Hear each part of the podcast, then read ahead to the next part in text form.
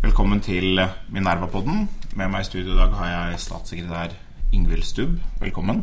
Takk. Det er ikke den beste dagen for eh, EU-partiet Høyre. Eh, Storbritannia har stemt for brexit. Nå begynner en lang og uoversiktlig prosess med å virkeliggjøre det. Men eh, brexit stiller spørsmål til den konservative bevegelsen og for så vidt til alle politiske partier i hele Europa, hele den vestlige verden, eh, som et symptom på en tillitskrise. Der vi har hatt eh, de lederne for de største partiene, økonomiske eksperter, de største organisasjonene, har alle sammen vært tilhengere av Remain. Og så har folket sagt noe annet. Hva er det som skjer, slik du ser det? Det er jo ikke noe ukjent fenomen, heller ikke for oss i Norge. Vi har jo hatt to folkeavstemninger om EU. Og i begge to så har jo det du tar opp der, vært en dimensjon. I hvert fall har mange hevdet at det har vært en dimensjon.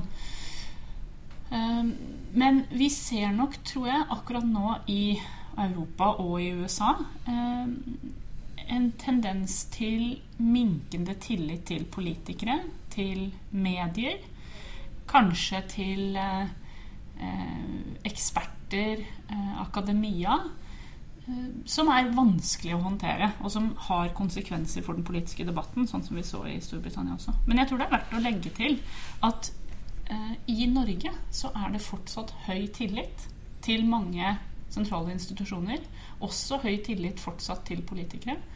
Vi har sett mindre store omveltninger i vårt politiske system enn det man har gjort i mange andre europeiske land. Så jeg tenker at vi kan i hvert fall ta med oss det også. At, at vi er relativt heldig stilt så langt.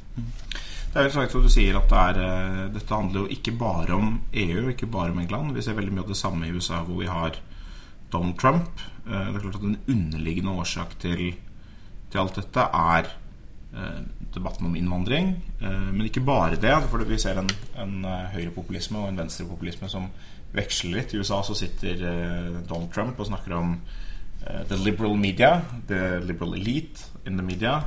Og venter du fem minutter på TV, så kommer Bernie Sanders, og så snakker han om the corporate media. Så du har på en måte sånn, den samme narrativen om det er noen eliter som har lurt folket. Hva, hva tenker du om det? Ja, altså det er lite som skremmer meg egentlig så mye i moderne politisk debatt som denne stadige appellen til noen andre som bestemmer. Noen andre bak. Jeg er redd for konspirasjonsteoriers innflytelse i den politiske debatten. Også fordi jeg alltid har tilhørt dem som har ment at det som regel alltid finnes en veldig mye enklere forklaring på at ting ikke går som man vil eller håper, heller enn konspirasjoner. Men har vi, hvis vi tenker at vi på, i den konservative bevegelsen skal lære noe som vi kan omsette til politikk for å gjøre folk mindre bekymret hva, Er det noe som har gått galt? Er det en grunn til at folk får en uro som gjør at de lettere bruker denne type retoriske grep. Da, som man snakker om det er, er eliter som har fått oss inn i EU. Det er eliter som har åpnet for innvandring. Det er eliter som fører frihandel. Så alt sammen er eliter snarere enn demokratiske valg.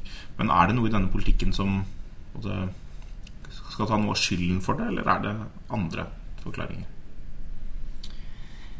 Hmm, altså, jeg, jeg, vet om det Jeg vet ikke om vi klarer å analysere all europeisk politikk og amerikansk politikk ut fra det, ut fra det mønsteret. Fordi at eh, vi ser jo litt ulike sammensetninger av grupper som blir mobilisert av den typen retorikk. Eh, I Sør-Europa f.eks. så har eh, populisme veldig gjennomslag blant eh, unge folk og folk på venstresiden. Eh, I Storbritannia så ser vi at den mest aggressive livretorikken har hatt gjennomslag blant eldre mennesker mm. eldre, på høyresiden. Hvite mennesker på høyresiden. Ikke sant? Mm. Sånn at det er nok store forskjeller der i hvilke mekanismer eh, som mobiliserer.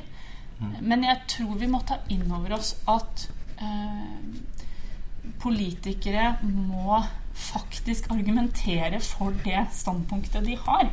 Um, og du spør om standpunktene om politikken er problemet. Ja, igjen, litt sånn vanskelig å svare på hvis ikke du er mer konkret. Ja, jeg tenker, jeg, Mitt eget syn er kanskje omtrent som følger at vi har uh, Igjen i mindre grad i Norge enn i andre land, men i mange land så har vi hatt uh, stagnerende lønninger, spesielt i USA, kanskje. Uh, spesielt for middelklassen, og spesielt for lavere middelklasse. Vanskelige vilkår for ufaglært arbeidskraft. Og det har kommet sammen med innvandring, som i noen tilfeller har gjort det vanskeligere, og sammen med handel, som også i noen tilfeller har gjort det vanskeligere. Men jeg tror man eh, lett ønsker å finne en syndebukk for at det er blitt sånn. Altså Både at man har lyst til å gi innvandringen skylden for alt som er vanskelig, mye mer enn det som faktisk har skylden for, men også at man måtte vil gi vi har blitt lurt inn i dette, som om det ikke er stemt frem. Eller som om det lett kunne vært unngått. Mm. Og det er jo altså, Veldig mye av de problemene som rammer ufaglært arbeidskraft, har jo å gjøre med teknologisk endring. Mm. En glo globalisering som ikke handler om EU eller engang bare handelsavtaler, men som handler om at mm. eh, Kina har vokst frem og fins på markedet og er verdens største mm. produsent, og at konsekvensene av skyhøye tollmurer i en sånn situasjon det ville vært helt annerledes enn før. Det ville også vært eh, både at vi mistet tilgang til eksportmarkeder, men også handelskrig med Kina, økte politiske spenninger. Mm. Mange sånne ting. Mm. Eh, så det, er, det fins noen grunner til at politikken er blitt som den har blitt, og de er ofte ganske gode. Mm. Og så er det en del av eh, utviklingen som har vært krevende for en del grupper. Og det, jeg tror nok at man har ventet for lenge med å forstå det.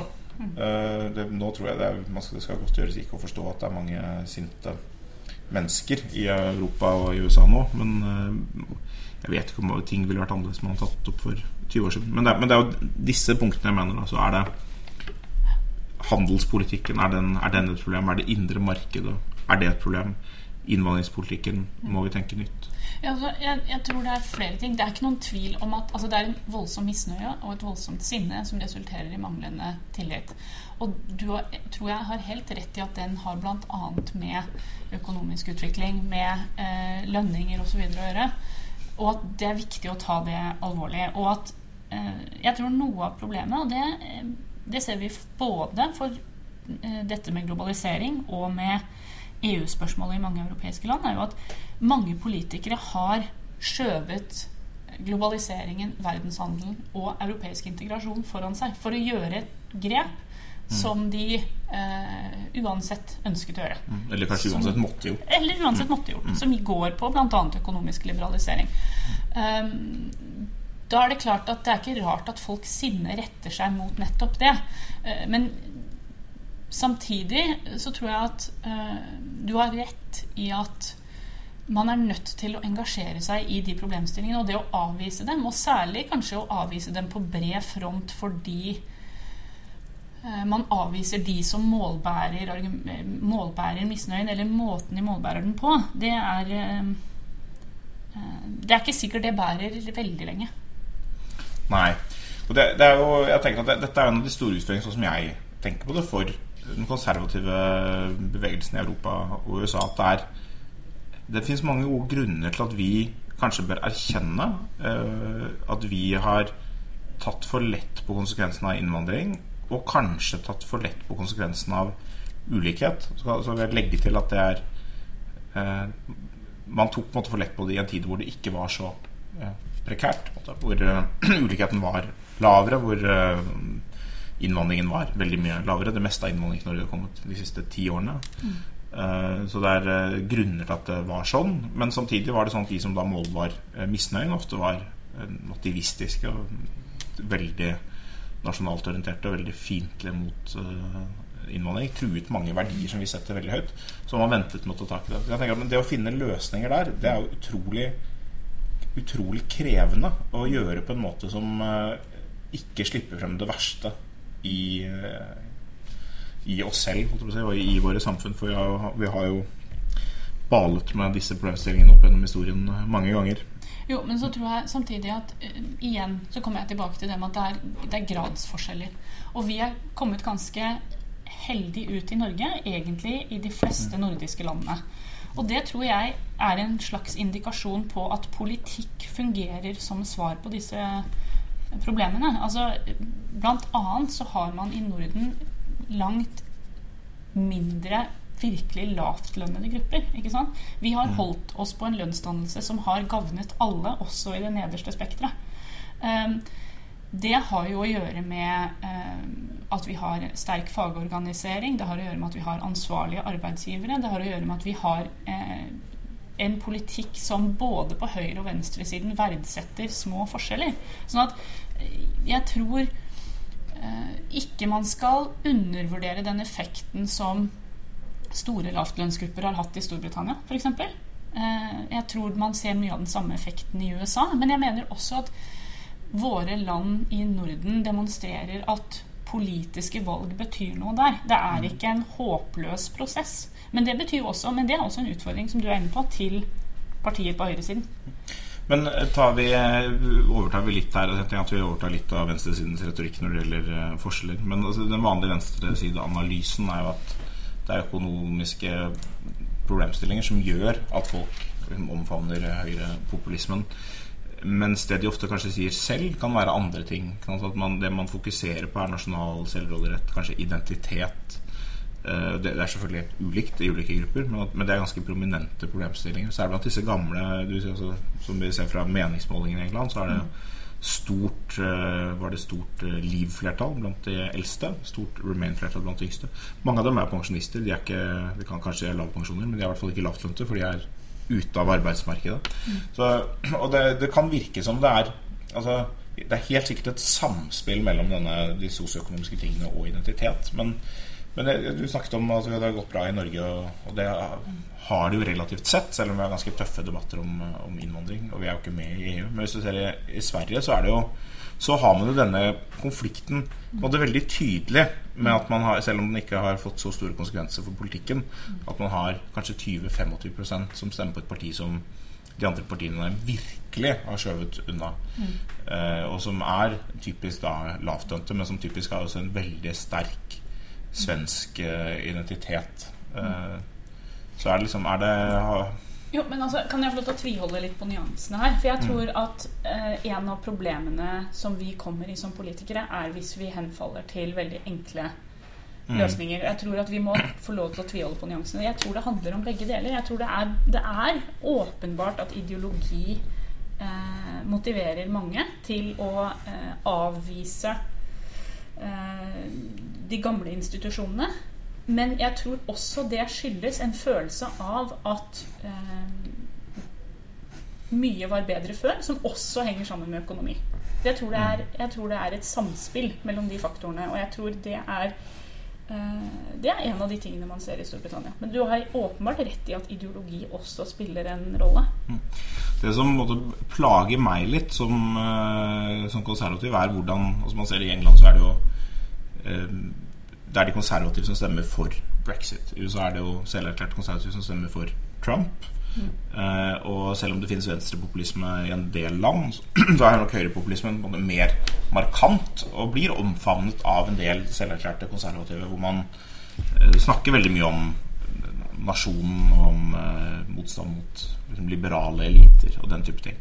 Så hvis vi blir reddet, holdt jeg på å si, dette er fra mitt perspektiv, da, fra Trump i USA, så vil det jo skje fordi liberale stemmer på, på Clinton. Eller, og venstresiden stemmer på Clinton.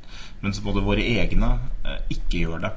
Og det, det bringer opp dette spørsmålet om hva eh, hva mener vi med konservatisme? Det blir sånn, hvem skal bære konservatismens eh, fane på si, eh, fremover? Jeg, jeg tenker jo at det å, å rykke opp såpass dramatisk som en brexit er, de institusjonene vi har, og som vi har hatt lenge England har vært med i, i over 40 år det er jo radikalt. Jeg tenker det er ikke Én ting er å si at dette må videreutvikles, og det er ikke bra nok, og vi må endre for å bevare. og, og sånn Men nå, nå, er det mange som uh, sier sånn at det er bra at de får seg en på tygga. Liksom. De, nå, vi må røske opp. Må, det er veldig mange som vil, vil gjøre nettopp det.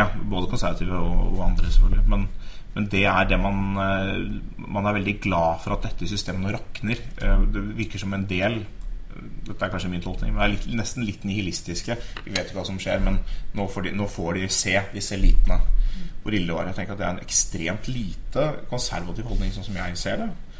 Jeg vet ikke om du gjør deg noen refleksjoner? Ja, altså, Det fins jo eh, en stor konservativ bevegelse som Høyre også er en del av internasjonalt. Den, men den, den har jo den favner mange bevegelser som skiller litt lag på noen av disse spørsmålene, bl.a. på forholdet til internasjonale institusjoner. Og eh, det britiske konservative partiet er jo et eksempel på et parti som egentlig har hatt, mange, som har hatt ulike tradisjoner i det spørsmålet. Eh, de britiske konservative var jo veldig ledende krefter i å bygge opp mye av det institusjonelle rammeverket i Europa etter andre verdenskrig. Mm. Eh, man har hatt perioder i britisk politisk historie hvor Labour har vært sterkt kritisk til mange europeiske institusjoner og, og, EU. Og man har hatt perioder hvor det konservative partiet har vært altså Det er et spørsmål hvor parti og ideologi ikke alltid har vært eh, bestemmende, da, eller ikke alltid har vært eh, sånn konsekvent i, i, holdningen til det. Um, og i Europa så er jo utover Storbritannia de fleste konservative partier blant de sterke støttespillerne for sterkt eh, europeisk samarbeid. Særlig på eh, det som har å gjøre med handel og økonomi. Eh, og har eh, egentlig alltid vært opptatt av det. Uh, og så tror jeg det er, en, det er en veldig levende debatt i europeiske konservative krefter om hvordan forholder man seg til økende ulikhet, uh, økende mistillit til politikere og det politiske liv. Um, jeg tror det er mange som ser at dette utfordrer. Eh, det har De økonomiske problemene i Europa de eh, rammet jo aller først kanskje de store sosialdemokratiske partiene i Europa. Mm. Interessant nok. Altså det var de som eh, virket, det gikk hardest utover med den økonomiske krisen. Men, men er det noen av altså denne mottageligheten for høyrepopulismen Er det er det noe i konservatismen som eh, åpner opp for den, eh, for den populismen? Det er sånn som jeg valet mye med eh, uten sammenligning for øvrig. Men etter, etter, den debatten som kom etter 22.07, så var det en sånn var jo den diskusjon hvor liksom det nasjonalkonservative ble viste seg mange steder, og for så vidt lenge før 22.07, viste seg en veldig aggressiv variant. Og det er litt sånn uvanlig, for man er vant til at man er at Normalt så er man rettet sitt politiske skyts uh, mot venstre. Men så ser man på det argumentasjonsrekker som har fellestrekk med det man mener selv, som er så mørke at man ikke helt vet hvor man skal få begynt. Og det er selvfølgelig veldig mye annet i brexit enn akkurat disse mørkeste strømningene, men i den debatten som har vært, så har man jo sett, sett det også.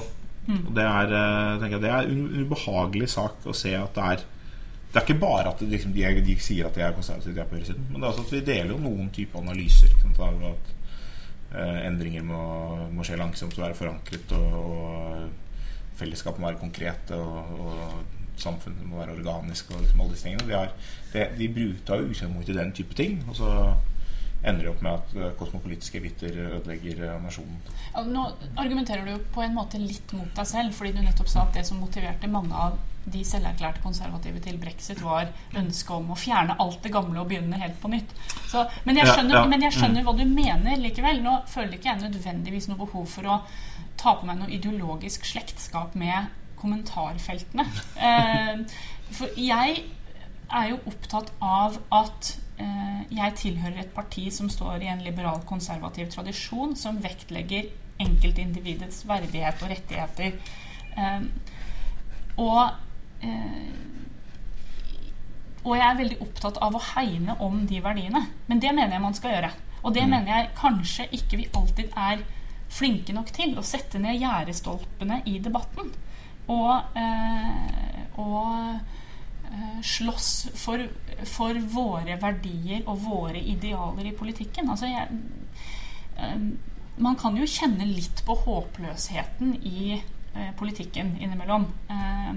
Men men jeg tror det er kjempeviktig å ikke gi opp kampen om definisjonene og ikke gi opp kampen om verdiene. Og den er jeg opptatt av at man må ta også mot kommentarfeltet. Um, I hvert fall når de snart har støtte av 52% av befolkningen. Nei, det var eh, et ufint spark til de som har stemt for brexit. Beklager det for våre lyttere.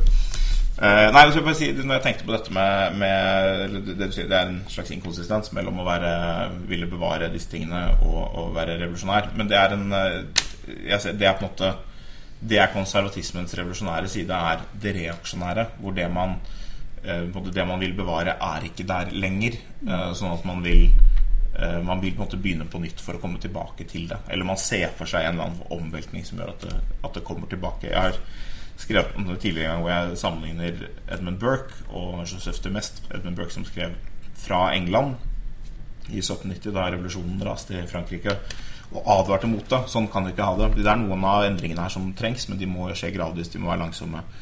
Må, vi må ikke rive ned det som er.